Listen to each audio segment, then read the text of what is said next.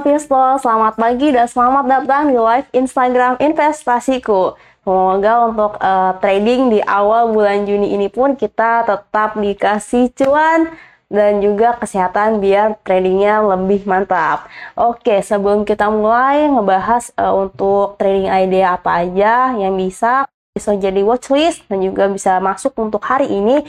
Pertama kita review dulu dari IASG pada perdagangan terakhir di bulan Mei kemarin, tanggal 31 Mei kemarin.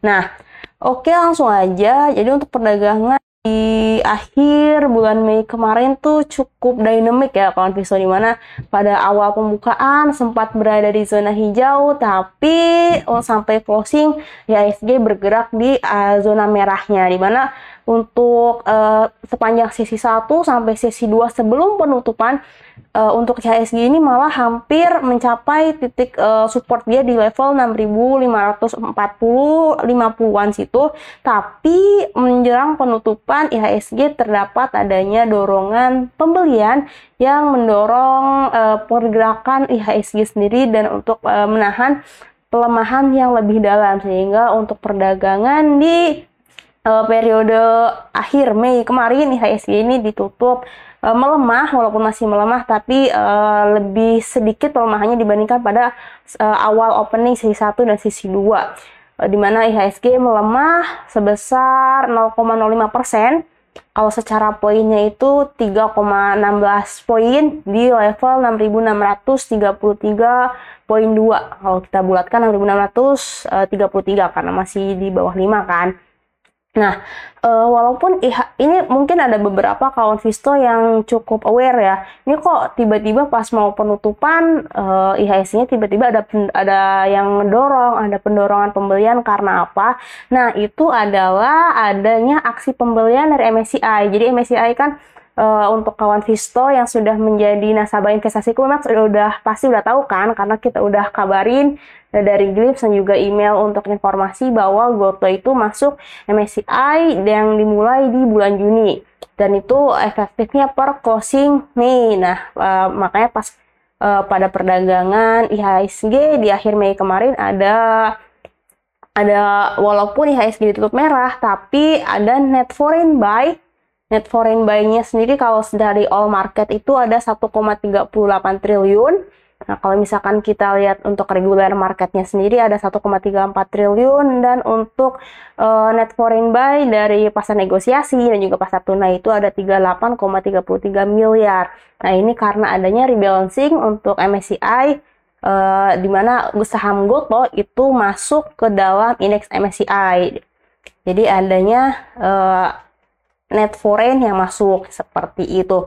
Lalu untuk pergerakan IHSG kemarin pada akhir Mei kemarin sendiri itu ada saham apa aja sih yang memberatkan atau yang membuat IHSG ini berada di zona merah itu untuk lagardesnya ada Beyan, BBCA, dan juga Telkom yang menjadi pemberat dari uh, laju IHSG pada penutupan di bulan Mei kemarin. Di mana untuk Beyan sendiri uh, penurunannya sampai 6,69% atau mencapai ARB, kemudian BCA ada perlemahan hingga 2,16% dan Telkom melemah uh, 1,94%. Namun, di tengah pelemahan ini ada saham apa aja sih yang menahan laju IHSG untuk tidak e, melanjutkan pelemahan yang lebih dalam? Itu yang pertama ada Goto dengan penguatan hingga 34,86%, mencapai e, level ARA. Ini karena apa? Seperti yang tadi udah saya sampaikan, itu karena adanya masuk MSCI. Lalu kemudian BBRI itu uh, menguat 1,36% dengan kontribusi ke indeksnya 9,18 poin. Jadi eh, BBRI, Goto itu menahan laju pelemahan IHSG yang lebih dalam. Selanjutnya uh, yang ketiga ada ICBP. Jadi itu adalah saham-saham yang menahan laju IHSG untuk pelemahan yang lebih dalam. Kemudian ada saham apa aja sih yang paling banyak diakumulasi sama asing pada perdagangan akhir Mei kemarin kan kalau secara total itu asing mencatatkan net buy kan. Nah, saham apa aja yang paling banyak diakumulasi oleh asing? Yang pertama ada Goto. Di mana untuk Goto sendiri secara net buy value-nya itu mencapai 2,8 triliun kawan investor. Kemudian dilanjut oleh ICBP, di mana ICBP sendiri merupakan uh, penahan laju IHSG untuk pelemahan lebih dalam pada perdagangan akhir Mei kemarin, itu mencatat adanya net buy value dari foreign sebanyak 213 miliar, dan yang ketiga adalah ISAT dengan uh, mencatat net buy value sebanyak 43 miliar Kemudian yang keempat adalah Medco sebanyak 24,024 miliar dan yang terakhir adalah Aces itu mencatat uh, net buy sebanyak 22,5 miliar. Nah, lalu untuk uh, asing sendiri paling banyak penjualannya di saham apa aja pada perdagangan akhir Mei kemarin? Yang pertama adalah banyak melakukan penjualan di Telkom dengan net sell value hingga 423 miliar. Kemudian BB Bank Mandiri BMRI mencatat net sale sebanyak 314 miliar. Kemudian Bank BCA eh, di mana untuk Bank BCA sendiri mencatat net sale hingga 224 miliar. Kemudian selanjutnya ada ASI, eh, net sale untuk foreignnya ada 203 miliar dan gudang garam net sale foreign 151 miliar. Itu adalah eh, bagaimana asing mengakumulasi dan juga penjualan atas perdagangan saham di Indonesia pada akhir Mei kemarin. Kemudian kawan Visto, uh, berdasarkan hal-hal tersebut, kira-kira IHSG untuk hari ini bakal bergerak bagaimana? Nah, uh, kalau kita sendiri bisa melihat kalau IHSG itu pada perdagangan kemarin terlepas dari sentimen MSCI dan lain sebagainya, itu terlihat sedang menguji area support di level sini kawan Visto, di level 6540 sampai level 6560-an sedang menguji di area sini dan walaupun di akhir sesi 2 itu terdapat tekanan pembelian yang membuat uh, IHSG kembali menguat walaupun tidak sampai mencapai area hijaunya. Tapi untuk hari ini sendiri ada masih ada potensi uh, IHSG ini ada akan bergerak fluktuatif namun dengan kecenderungan melemah terbatas. Ini pelemahannya ke area ke area mana yaitu pelemahannya di area 6.600 sampai uh, eh, 6.600 untuk area pelemahannya. Tapi misalkan uh, indeks ini adanya ada bergerak pembalikan, maka itu ada potensi untuk menguji resist dia di level 6.700 di sini kawan Visto. Jadi uh, bisa kawan Visto pantau lagi untuk IHSG. Jadi kalau kita lihat dari indikatornya pun untuk RSI dan juga MACD-nya masih ada di area untuk RSI ada di area oversold dan juga untuk MACD-nya masih ada di uh, area negatif, jadi masih mengindikasikan bahwa IHSG ini akan uh, memiliki kecenderungan untuk melemah terbatas dan bergeraknya tentu secara fluktuatif. Oke, kawan investor. Lalu uh, berdasarkan hal-hal itu, kira-kira untuk trading idea di hari ini apa aja sih yang bisa kita jadiin watchlist dan juga kawan investor bisa meraih cuan di tengah uh, pelemahan IHSG pada perdagangan kemarin. Yang pertama ada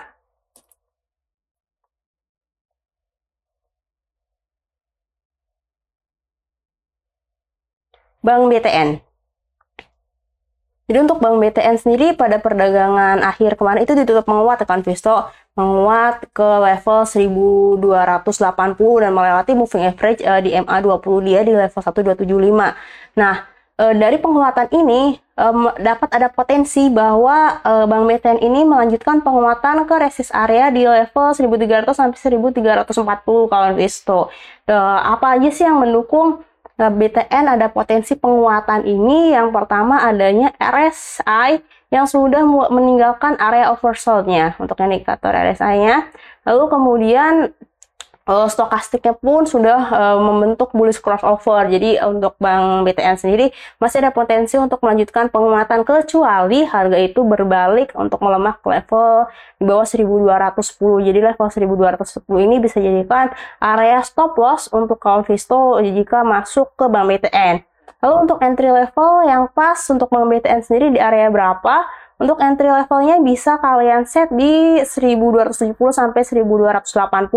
Nah, nanti kalau misalkan masuk di level situ kira-kira keuntungan yang bisa didapatkan itu berapa persen ya? Coba kita lihat uh, untuk misalkan masuk ke dari 1270 itu keuntungannya uh, Convisto bisa dapat 2,45 persenan. Jadi uh, kalau untuk trading harian masih cukup kan ya. Uh, selanjutnya trading idea berikutnya setelah Bank BTN ini masih banking juga ada BBNI. Jadi setelah Bank BTN, selanjutnya adalah Bank Negara Indonesia atau BBNI.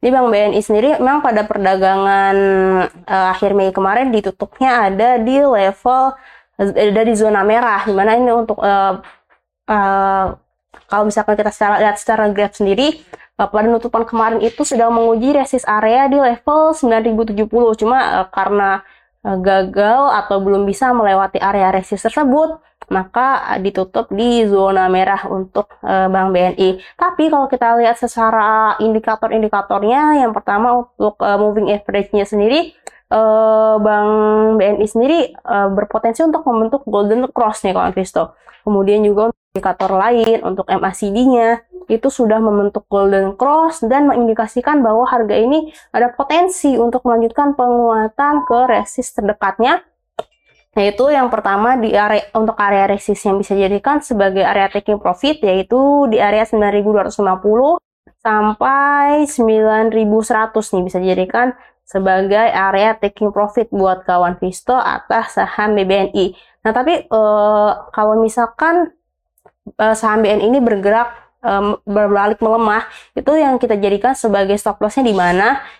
untuk uh, bisa kita, kita set sebagai stop lossnya itu kita bisa jadikan level area MA20 ini di level 9000 ini sebagai uh, stop lossnya. Jadi misalkan harganya berbalik melemah di bawah 9000 itu bisa dijadikan sebagai stop lossnya karena dikhawatirkan ketika pelemahan itu berlanjut harga dapat berpotensi uh, melemah lagi ke bawah di area 8700 sampai 8750 tapi kalau melihat indikator yang ada, masih ada potensi Bank BNI ini e, melanjutkan penguatan ke area resisten yang sudah aku sampaikan tadi.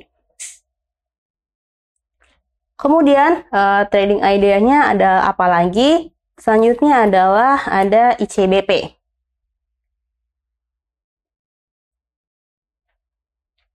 Nah, untuk ICBP sendiri, e, perdagangan kalau secara kita lihat secara tren itu memang sudah ada di tren bullish ya konvisto memang dari awal Maret dari tanggal 13 Maret itu kalau kita lihat secara tren itu sudah bergerak dalam tren bullish. Terus kekuatannya gimana sih untuk tren bullish ini? Nah memang uh, kalau misalkan kita lihat dari indikator moving average kan kalau misalkan moving average pendek dan panjangnya mulai bergerak menyempit itu artinya uh, tren dari bullish atau tren dari bullish itu mulai sedikit adanya perlemahan. Nah ini bisa kita katakan bahwa Indi, Indofood sendiri uh, sedikit ada perlemahan, tapi kalau kita lihat compare dengan volume untuk perdagangan terakhir, perdagangan di akhir Mei kemarin, Indofood sendiri volumenya masih cukup kuat, kan bisa jadi bisa mengindikasikan bahwa Indofood masih ada potensi untuk penguatan uh, terdekat itu. Jadi lebih tepatnya untuk rekomendasinya itu lebih ke trading buy karena uh, untuk target price-nya itu uh, uh, resistnya cukup dekat gitu. Nah, untuk pergerakan di dalam tren bullish ini uh, pada perdagangan di akhir Mei kemarin ditutup menguat di level 11.700. Nah, ini kalau misalkan melanjutkan penguatan itu potensinya ke area mana untuk resistennya itu potensi ke level 11.900 sampai 12.125. Jadi eh, kira-kira ada berapa persen ya eh, potensi keuntungan yang bisa didapatkan itu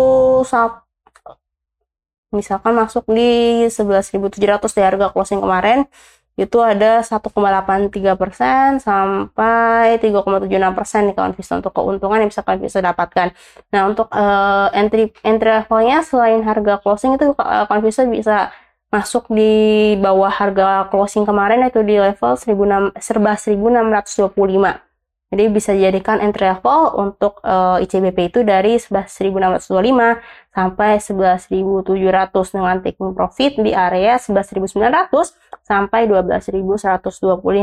Tapi ini misalkan ICBP ini sudah uh, over overbought lalu ada potensi penurunan kira-kira yang jadi stop loss atau kalau misalkan ICBP bergerak berbalik uh, berbalik arah berbalik uh, berbalik arah untuk perdagangan hari ini itu kira-kira stop lossnya di level berapa sih Nah, untuk level yang bisa kita jadikan sebagai stop loss untuk ICBP adalah di bawah 11.050 kan Visto. Jadi uh, seandainya harga bergerak di bawah 11.050 itu uh, kita bisa jadikan itu sebagai uh, stop lossnya untuk uh, ICBP sendiri. Jadi uh, untuk ICBP karena ini trading buy, jadi perlu kawan Visto lebih pantengin lagi, jangan sampai ketinggalan timing untuk taking profit sebelum harganya ada pembalikan arah seperti itu. Lalu untuk uh, hari ini ada informasi apa aja sih yang kita lihat dari market global ataupun dari sentimen-sentimen domestik yang bisa ngedorong uh, kinerja IHSG pada hari ini. Nah, jadi untuk dari uh, sentimen global sendiri yaitu ada dari OPEC nih kawan di mana untuk OPEC sendiri pada pertemuan terakhir tanggal 4 dalam waktu waktu setempat itu mereka mendiskusikan mengenai pemotongan uh, pemotongan uh, produksi. Mana itu uh, bagaimana dampaknya. Tentunya hal itu dapat memberikan dorongan sentimen positif bagi harga minyak yang sudah melemah ya kalau harga minyak sendiri pernah untuk brand sendiri pernah mencapai ke level 66,74 USD per barrel, di mana itu sendiri merupakan level terendah sejak Januari 2022. Kemudian uh, selain karena adanya selain penyebab yang menyebabkan harga minyak lemah itu selain karena ada dari Amerika Serikat yang adanya diskusi mengenai kenaikan plafon, hal yang menyebabkan harga minyak dunia sempat melemah sampai level 6 di bawah 70 itu karena adanya oversupply dari uh, minyak sendiri dan juga dari China sendiri yang diharapkan akan ada kenaikan demand karena reopen mereka setelah COVID-19, tapi nyatanya masih belum sesuai ekspektasi sehingga membuat uh, minyak secara komoditasnya sendiri dari volumenya itu terjadi adanya oversupply dan menyebabkan harga minyak itu uh, tertekan. Nah, oleh karena itu OPEC sendiri e, memutuskan untuk adanya negara-negara yang memberikan sukarela untuk memotong produksinya. Salah satunya sendiri untuk e, Saudi Arabia. Saudi Arabia sendiri akan memulai memotong e, produksi dari minyak mereka mulai bulan Juli sebanyak 1 juta barrel per hari. Arab Saudi sendiri kan merupakan negara dengan produsen yang cukup besar kan e, di negara-negara anggota OPEC di mana untuk anggota OPEC sendiri kan uh, produsen minyak terbesarnya itu ada Rusia uh, Saudi Arabia. Nah, di mana karena karena Rusia sendiri masih belum ada inisiatif untuk melakukan pemotongan produksi mereka sehingga Arab Saudi mengambil inisiatif untuk sukarela untuk memotong uh, jumlah produksi harian mereka. Nah, kira-kira kalau misalkan uh, uh, hal ini kan udah bakal direalisasi untuk mulai bulan Juli. Untuk hari ini uh, hal itu bakal ngasih dampak dampak sentimen positif ke apa aja sih kalau untuk Indonesia? Tentunya itu bakal ngasih dampak positif untuk emiten-emiten yang uh, produsen minyak seperti siapa? Contohnya kita lihat Medco ya kan Visa. Nah, Medco sendiri kan merupakan emiten uh, produsen minyak. Jadi uh, untuk Medco sendiri masih uh, termasuk salah satu emiten yang mendapat yang terkena sentimen positif atas uh, uh, pemotongan produksi dari Arab Saudi atas minyak mentahnya ini. Nah, Medco sendiri memang pada perdagangan kemarin itu ditutup melemah, kawan Visto ditutup melemah, uh, ditutup di level 905 dan itu uh, menguji menguji support dia nih, menguji support di level 900 sampai 905-nya. Nah, kalau misalkan uh, dilihat dari uh, technical sendiri memang ada ada potensi adanya penurunan dari Medco sendiri karena ada pengujian support di sini. Tapi misalkan uh, Medco tidak bergerak me, tidak bergerak atau tidak breakdown di bawah level supportnya di level 900 maka ada potensi untuk rebound sesaat technical rebound ke area ke level 925 sampai 940 kan Visto dengan entry level di 900 di support situ. Jadi bisa jadikan sebagai spekulatif buy berdasarkan sentimen yang ada seperti itu. Nah kalau untuk medical sendiri kan emiten yang produksi. Kalau untuk emiten yang distribusi minyak sendiri seperti Akra itu gimana sih dampaknya? memang kalau misalkan kita lihat kenaikan atau penurunan harga minyak sendiri tidak begitu uh, signifikan ya dampaknya kepada emiten-emiten yang mendistribusikan minyak seperti Akra atau Elsa.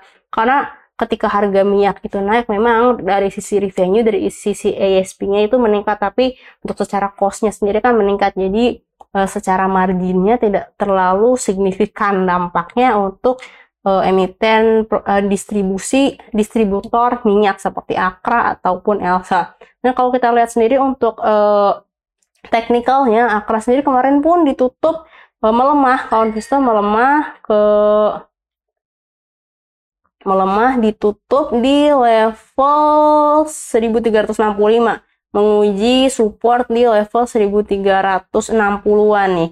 Nah, kalau misalkan kita lihat dari stokastik pun uh, itu ada di area overbought dan juga uh, masih belum ada uh, apa secara teknikal signal untuk rebound dia rebound dia tapi kalau misalkan kita uh, buat sebagai spekulatif buy berdasarkan sentimen ini walaupun memang nampaknya tidak terlalu besar bisa juga uh, dijadikan sebagai untuk nitip nitip sendal dulu lah gitu lah beberapa lot untuk spekulatif buy dengan uh, area support di 1355 juga untuk stop lossnya di level 1300 nih supportnya dengan resistnya di level 1425 gitu konvisto untuk sentimen dari uh, market global. Lalu untuk uh, market domestiknya ada apa aja untuk yang bisa kita pantau untuk hari ini? Itu untuk hari ini ada beberapa data yang akan rilis dari domestik dari Indonesia. Yang pertama ada uh, PMI manufacture, manufacture untuk periode Mei. Kan kalau misalkan periode April terakhir Indonesia udah ada di area ekspansi ya. Untuk level PMI-nya di 52,70 untuk uh, periode Mei ini masih kita tunggu. Memang yang diharapkan ini uh, manufaktur kita masih terus berekspansi dengan level PMI di atas uh, periode kemarin. Lalu uh, untuk data selanjutnya yang kita tunggu adalah inflation rate. Inflation rate untuk periode Mei baik itu year on year ataupun month on month. Untuk periode terakhir pada bulan kemarin itu secara year on year inflasi kita ada di level ada uh, tingkat inflasi kita secara tahunan adalah sebesar 4,33 persen dan untuk secara bulanan itu sebesar 0,33 persen. Tentunya untuk uh, Bank Indonesia sendiri memang menargetkan inflasi kita itu plus minus uh, 3 persen yang jadi 2,34 persen. Yang kalau misalkan inflasi itu bisa ditahan atau uh, berada di area yang ditargetkan oleh Bank Indonesia itu dapat menjadi sentimen positif untuk Bank Indonesia untuk tidak menaikkan tingkat suku bunganya sehingga untuk uh, cost atas emiten-emiten atau manufakturing itu pun akan menjadi uh, tidak tertekan karena adanya kenaikan suku bunga dari Bank Indonesia seperti itu. Oke kawan Pisto, untuk uh, live trading idea hari ini kita sudahi di sini. Jadi uh, bisa konvisto pantau-pantau lagi emiten-emiten yang tadi kita sudah sampaikan berdasarkan teknikal dan juga berdasarkan sentimen-sentimen dari global ataupun dari domestik. Buat info selanjutnya, kalian bisa kunjungi website investasiku.id untuk dapat informasi-informasi menarik lainnya. See you next time, investasiku for better tomorrow. Tomorrow.